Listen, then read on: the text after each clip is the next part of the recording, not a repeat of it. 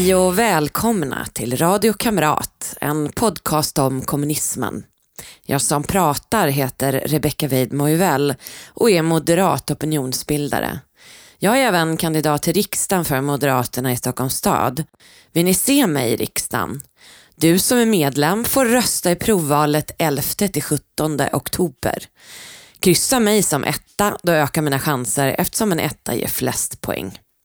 Valet är digitalt i år och jag kommer att sprida länken i alla mina kanaler när den kommer.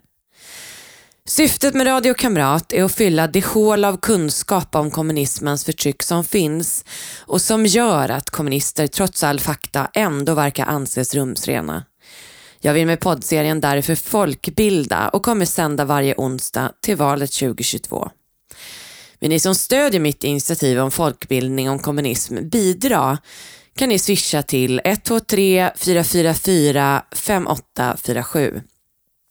Eller ännu hellre så blir ni Patreon på patreon.com. Sök efter Rebecca Weidmoevel så hittar ni mig där.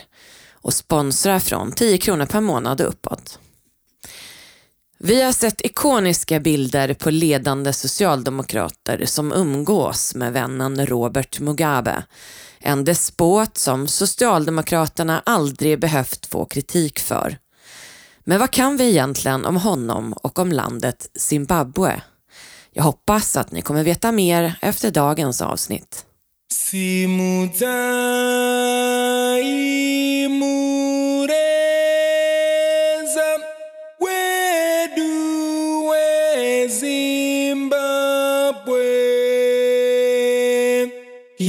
Yakazvarwa nemoto wechimurenga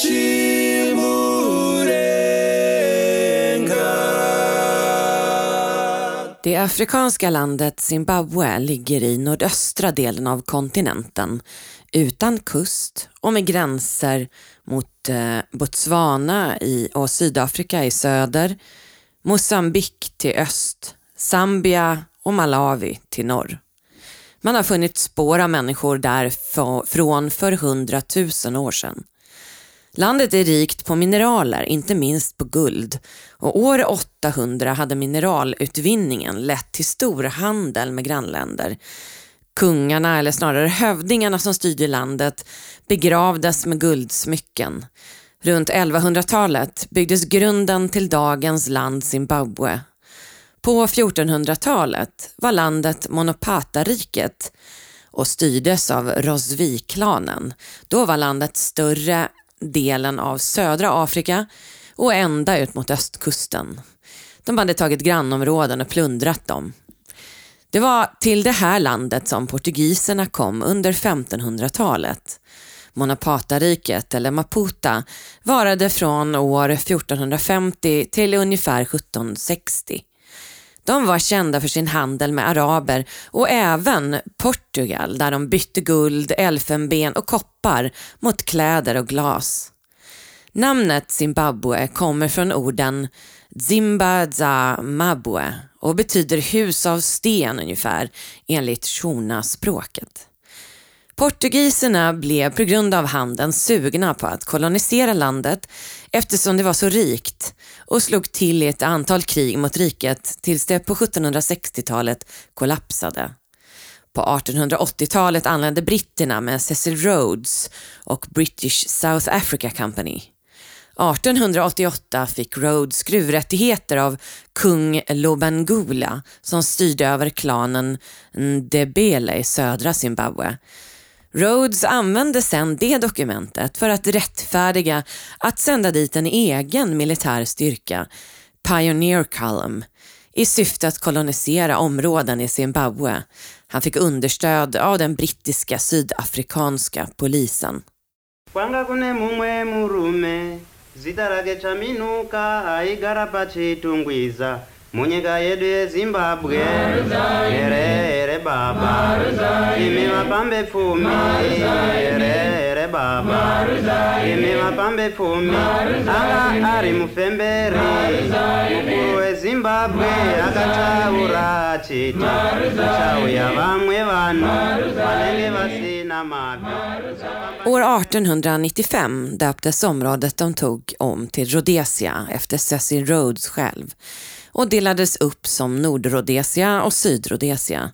Den 12 september 1923 annekterade Storbritannien Rhodesia och kort därefter antogs landets första konstitution där Rhodesia blev en självstyrande brittisk koloni inom, inom kungadömet.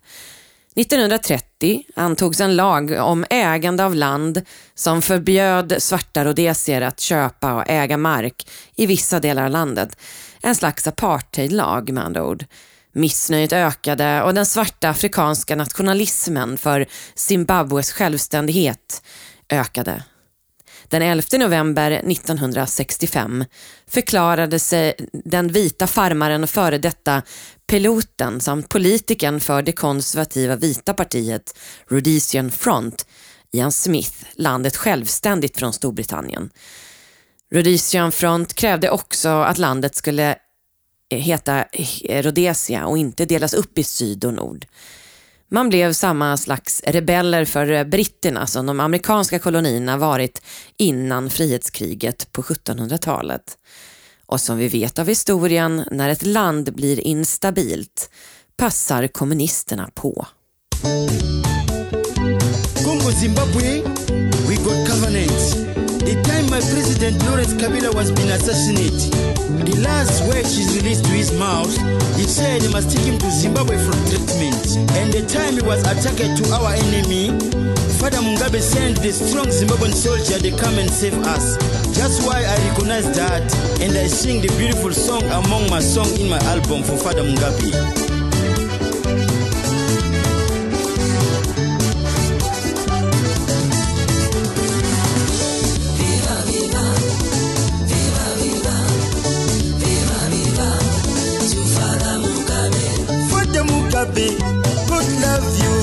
Much. You will rule Zimbabwe until you die.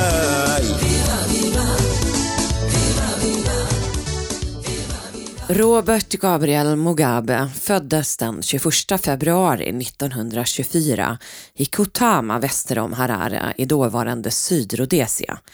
Hans pappa var snickare och hans mamma arbetade för katolska kyrkan. Han var nummer tre av sex syskon och familjen tillhörde jesuiterna. Robert anammade en stor självdisciplin och var jätteduktig i skolan. Han utbildade sig till lärare vid universitetet Fort Hare i Sydafrika på ett stipendium och han har även examina i ekonomi och administration både från Sydafrika och Storbritannien. Det var i Sydafrika hans politiska intresse tog fart. Han gick som student med i socialdemokratiska African National Congress ungdomsförbund och började gå på möten med afrikanska nationalister. Där träffade han marxister för första gången och blev själv kommunist. Han har själv beskrivit åren i Sydafrika på universitetet som en vändpunkt i sitt liv. Han återvände 1952 till Rhodesia och började arbeta som lärare på en katolsk skola. 1958 flyttade han till Ghana för att undervisa på ett lärarkollegium. Där träffade han sin första fru Sally. Han har sagt att han åkte till Ghana för att se hur det var i ett självständigt afrikanskt land. Ghana var det första landet som blev självständigt. De styrdes också av en kommunist. Under tiden han var borta från Zimbabwe utvecklades en antikolonialist eh, och nationaliströrelse i Rhodesia med utgångspunkt i Sydrhodesia och ledda av Joshua Nkomo. Han ledde partiet Southern Rhodesia African National Congress som blev det mer radikala National Democratic Party, NDP. 1960 återvände Mugabe till Rhodesia och gick då med i NDP som sedermera skulle bli Zimbabwe African People's Union, ZAPU. I juli 1961 deltog Mugabe i en 7000 personer stor demonstration i huvudstaden Salisbury som låg i Sydrhodesia.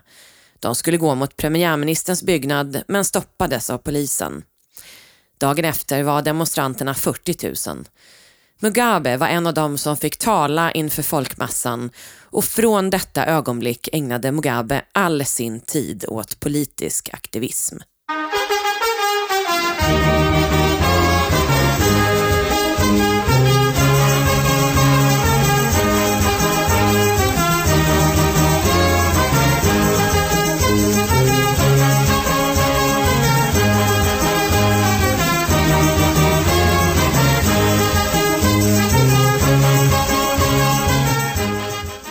1961 höll regeringen och andra en konferens hur man skulle hantera den uppkomna situationen och NDP hoppades att britterna skulle komma fram till att en självständighet med svart styre.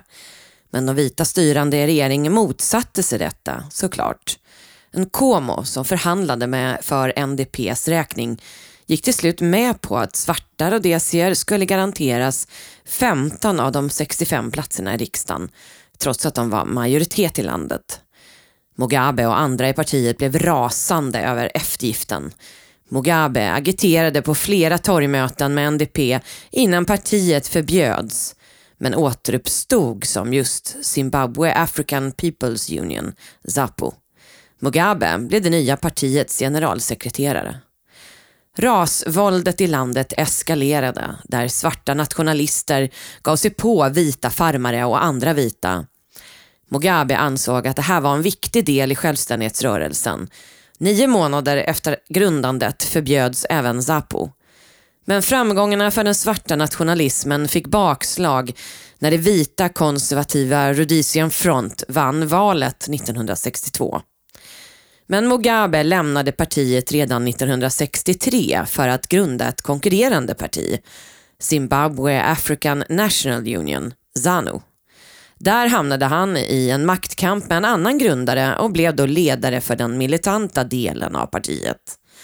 Men redan 1964 fängslades Mugabe och andra revolutionärer som planerade väpnad kamp. Han satt 11 år i Salisbury-fängelset. När han satt i fängelse blev vita Ian Smith landets premiärminister.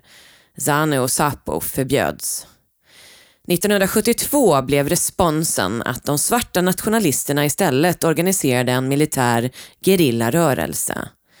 ZANUs militära gren kallades Zimbabwe African National Liberation Army, ZANLA. Och Zapus kallades Zimbabwes People's Revolutionary Army, SIPRA. De paramilitärgrupperna byggde sin bas utanför Zimbabwe i Tanzania och Zambia. Sanla fick pengar från kommunisterna i Kina och Mao, Zipra från Sovjet. 1975 släpptes eh, politiska fångar, bland annat Robert Mugabe, för att de styrande var rädda att gerillarörelsen skulle sprida sig. Han lämnade Rhodesia för Mosambik och han lyckades efter ett år ta över ledarskapet för ZANU och åkte runt till olika camps för att få soldaternas förtroende. 1976 slogs ZANU och ZAPU ihop och bildade Patriotic Front. Mugabe var då ledare för den största militära gruppen i motståndet till Ian Smiths re regering.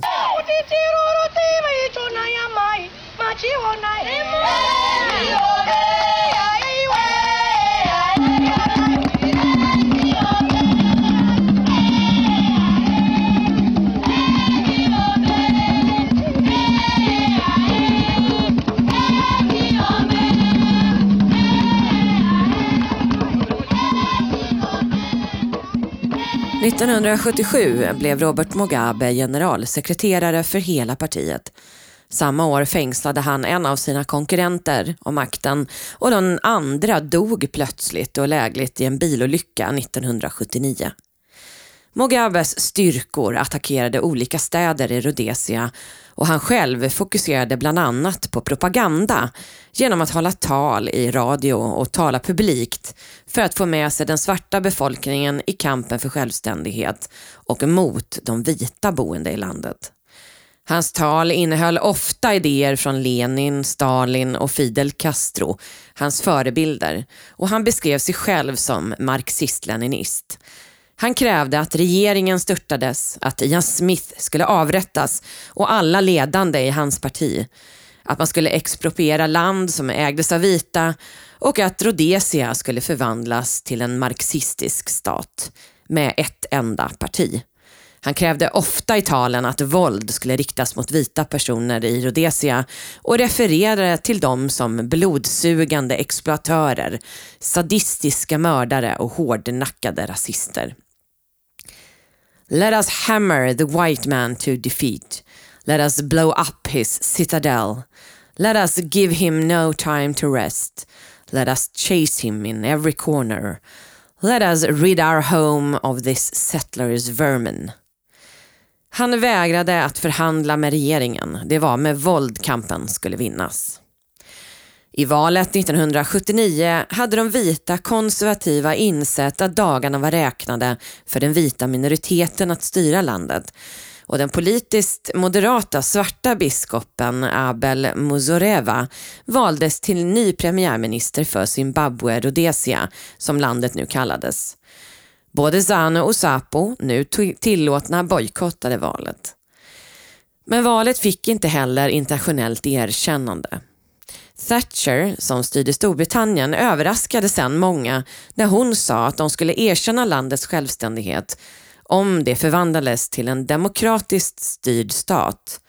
Förhandlingar inleddes och resulterade i att den vita minoriteten garanterades 20 platser i riksdagen, att landet kallades Zimbabwe och inte Rhodesia och var under svart styre, med ett demokratiskt styrelseskick. Mugabe skrev till slut under, trots att det innebar att han lovade att inte införa expropriering av vitas land.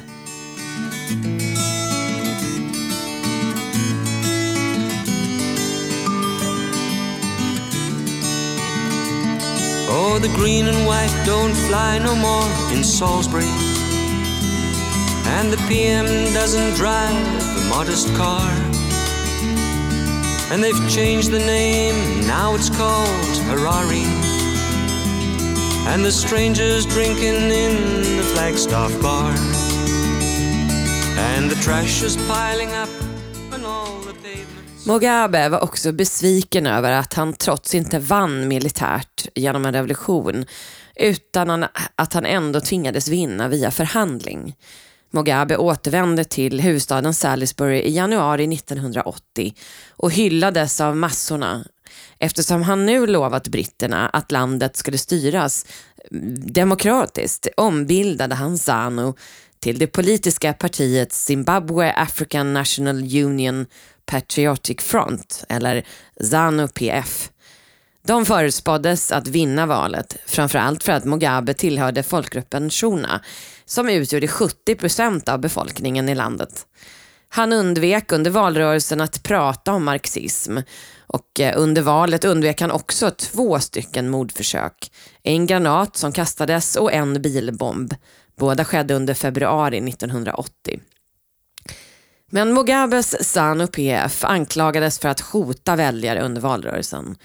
ZANU-PF vann som väntat med 63 procent av rösterna och de fick 57 av de 80 platserna i riksdagen. Den 18 april 1980 förklarades Zimbabwe självständigt. Runt om i landet tog statyer på Cecil Rhodes ner och gator och torg som döpts efter britter döptes om till efter svarta nationalister. 1982 döptes huvudstaden Salisbury om till Harare. Mugabe anlitade nordkoreanska arkitekter att rita Heroes Acre, ett monument för att hylla kampen mot de vita kolonialisterna.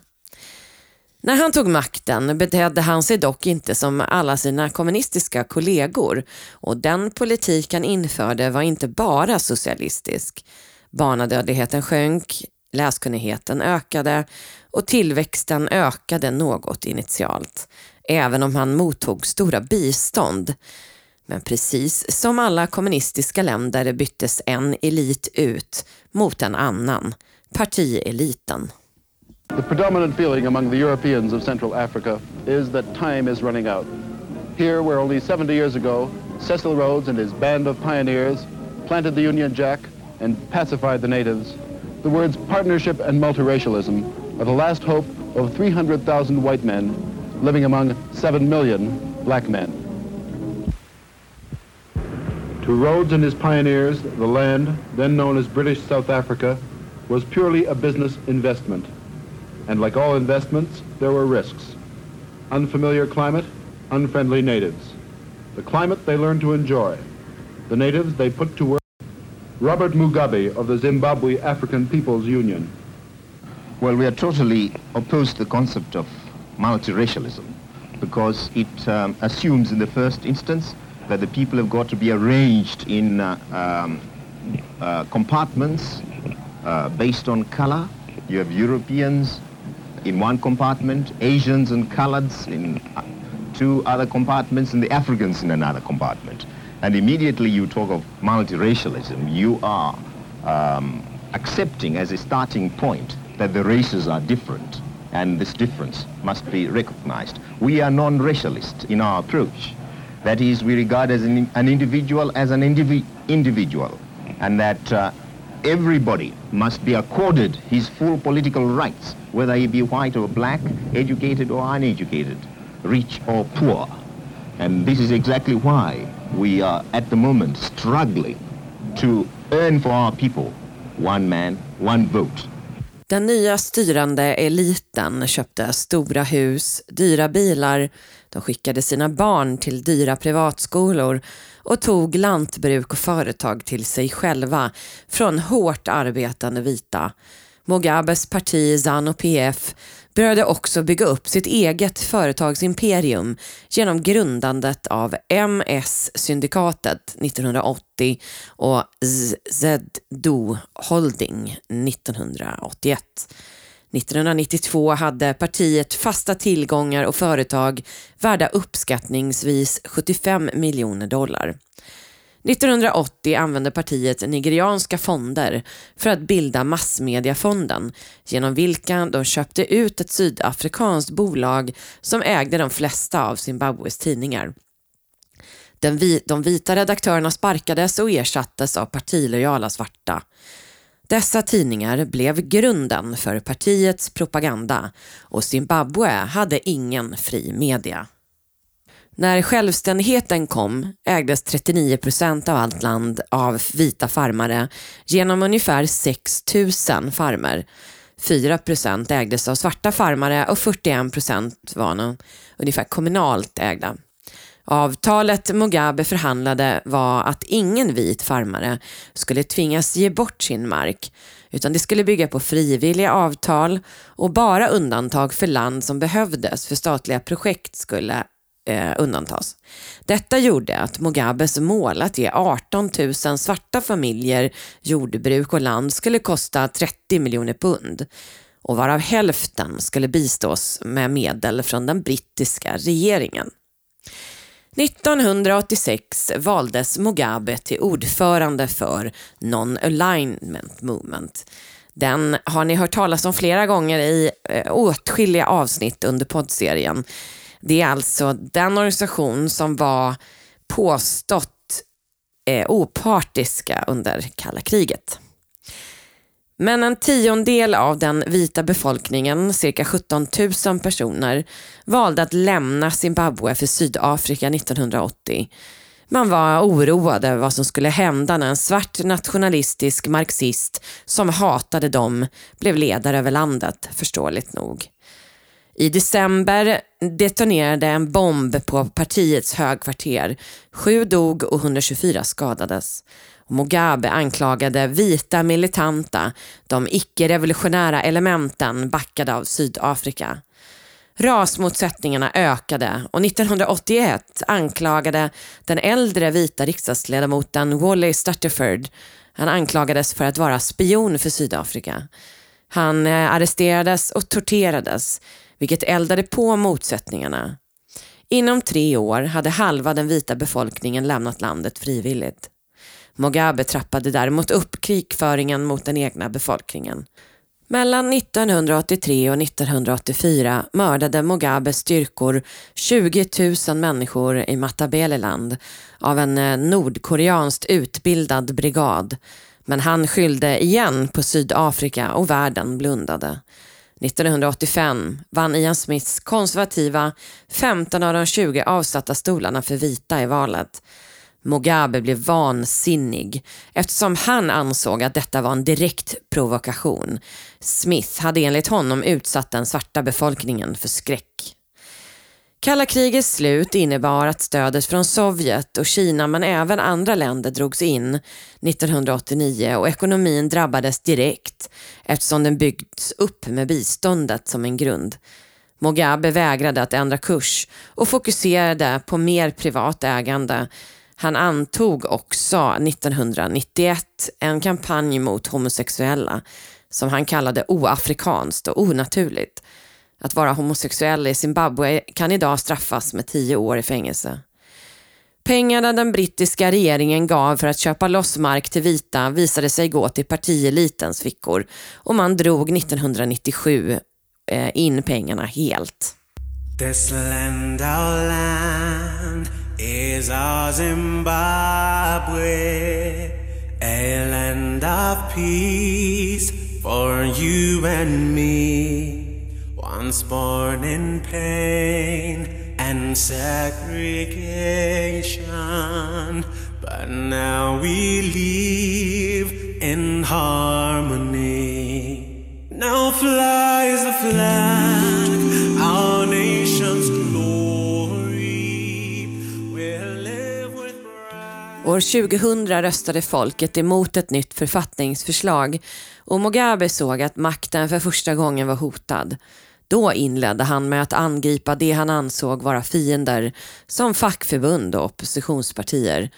År 2003 inleddes en generalstrejk i Zimbabwe vilket fick till följd att regeringen 2005 inledde operation Murambata Svina vilket innebar att polis och militär förstörde bostadsområden. Först i Harare och sen i övriga landet. Man påstod sig rikta in sig på illegala bosättningar men FNs sändebud konstaterade att 700 000 människor berövat sina bostäder eller sin försörjning och ytterligare 2,4 miljoner indirekt drabbades. Operationen var en hämnd mot de områden som röstat emot honom. För att mota sin minskande popularitet beslutade sig Mugabe för att i slutet av 90-talet ändå genomföra sin landreform mot de vita bosättarnas vilja och med våld. De vita bosättarna flydde men, man, men innan så dödade de djuren och förstörde farmen och maskiner. Som en följd förbjöds Mugabe att resa in i EU. År 2000 lanserade ZANU-PF jordreformen som gav klartecken till gruppen krigsveteraner att med våld ta vita farmares gårdar. Så gård efter gård ockuperades av beväpnade män och Mugabe stöttade detta öppet trots att domstolarna dömde dem olagliga. Cirka 400 000 lantarbetare förlorade jobbet och eftersom de, tog land, de som tog lantbruket inte visste hur man skulle bruka dem förföll många av dem. Dessutom togs många av partimedlemmar och deras släktingar och inte fattiga vanliga bybor. Do you Sure, consider, it's simple. and everybody believes that, Yes. Oh, so do you consider white Zimbabweans to be Zimbabweans? those who are naturalized and um, have citizenship. Yes. Those who've been living there for years and but, years but, and years? But historically, Right. historically, The people who've they a debt. Contributing to farming. Historically, they have a debt to pay. Yes, the land they they occupy the land illegally. They seize the land from our people, Look. and therefore the process of reform, land reform, involved their handing, having to hand over the land. Some- we agreed upon this with the British, by the way. Some 80% of that land was acquired after you took office, some of the farmland, and with the various certificates that mean government approval.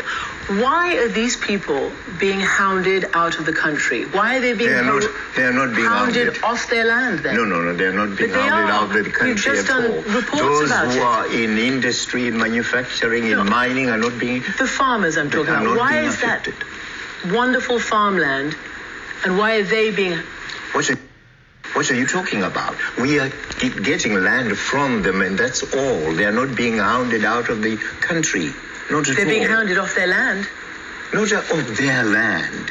It's our, not theirs. Our land. even So- though they bought it. Even though they bought it with the certificates of approval from the government. But haven't you heard of the Lancaster House discussions and the agreement with the British government? Because they are British settlers. Originally, they have been British settlers. And we agreed at Lancaster House that there would be land citizens. reform. But they're citizens, aren't they? And isn't this uh, farming Citizens disaster contributing to your... citizens by colonization, seizing land from the original people, indigenous people of the country. But how did that You- all you- go you so wrong? that? How did that all go so wrong? Because when you came in, you it was it was about reconciliation. No, they knew about it. They knew we had this program of land acquisition and land reform. They knew about it. But what about the the blacks? British then? Okay, knew let's, about let's it. talk about the black farm workers whose houses and shanty houses who work on these farms. Det ni precis hörde var en intervju med Robert Mugabe i CNN från 2009. Men eh, jordreformen hindrade inte den ekonomiska nedgången utan förvärrade den. Inflationen nådde i slutet av 2001 tresiffrigt. Mellan 2008 och 2009 rådde hyperinflation. Sen gav de upp sin valuta. I mars 2007 misshandlades oppositionens ledare Tsvangirai. I valet 2008 vann han mot Mugabe i presidentvalet men inför andra omgången misshandlades och förföljdes hans anhängare och han gav då upp. 2017 tog militären makten i landet och avsatte Mugabe som sattes i husarrest. Den 24 november 2017 svors Emerson Mnangagwa in som president. Mugabes arv är att han lyckades förvandla en, ett fungerande land med relativt bra ekonomi och demokrati till ett av världens fattigaste länder under sina nästan 40 år vid makten. Tiotusentals bönder föll offer för statlig terror. Hans närmaste i partiet blev ofattbart rika och jordreformen visade sig framför allt gynna lojala, inte vanliga fattiga svarta. I'm a psychopath. My name is Bob Mugabe. I'm the number one banana in Zimbabwe. I haven't got a clue, so I blame everything on you and the whiteys from London to Harare. Bob's your uncle, Bob's your auntie, Bob's your man, and Bob's your dad. Bob's the long lost relative you never knew you had. He's mean, he's rude, he's ugly, and he's been there too long now. He stole the last election and he's married to a cow. PW's black brother, he's the man that time forgot. If he ever does any wrong, it's all a racist plot. The father of the nation who abuses all his kids. He took a wealthy country and he put it on the skids. Wahoo! Sverige och biståndet till Zimbabwe och eh, vänskapen med Socialdemokraterna det är en helt egen puck. Det tänkte jag gå igenom i nästa avsnitt tillsammans med biståndet för andra afrikanska länder, de socialistiska länderna. Tack för att ni lyssnat. Glöm inte att prenumerera på podden så får du alla avsnitt automatiskt. Den 11 till 17 oktober är det provval för medlemmarna i Moderaterna i Stockholms stad. Kryssa mig då. Gillar ni podden, stöd den ekonomiskt. Jag tar till skillnad från ETC till exempel inte emot en enda krona av dina pengar med tvång. Bli Patreon istället. Det var allt för mig. Tack och på återseende.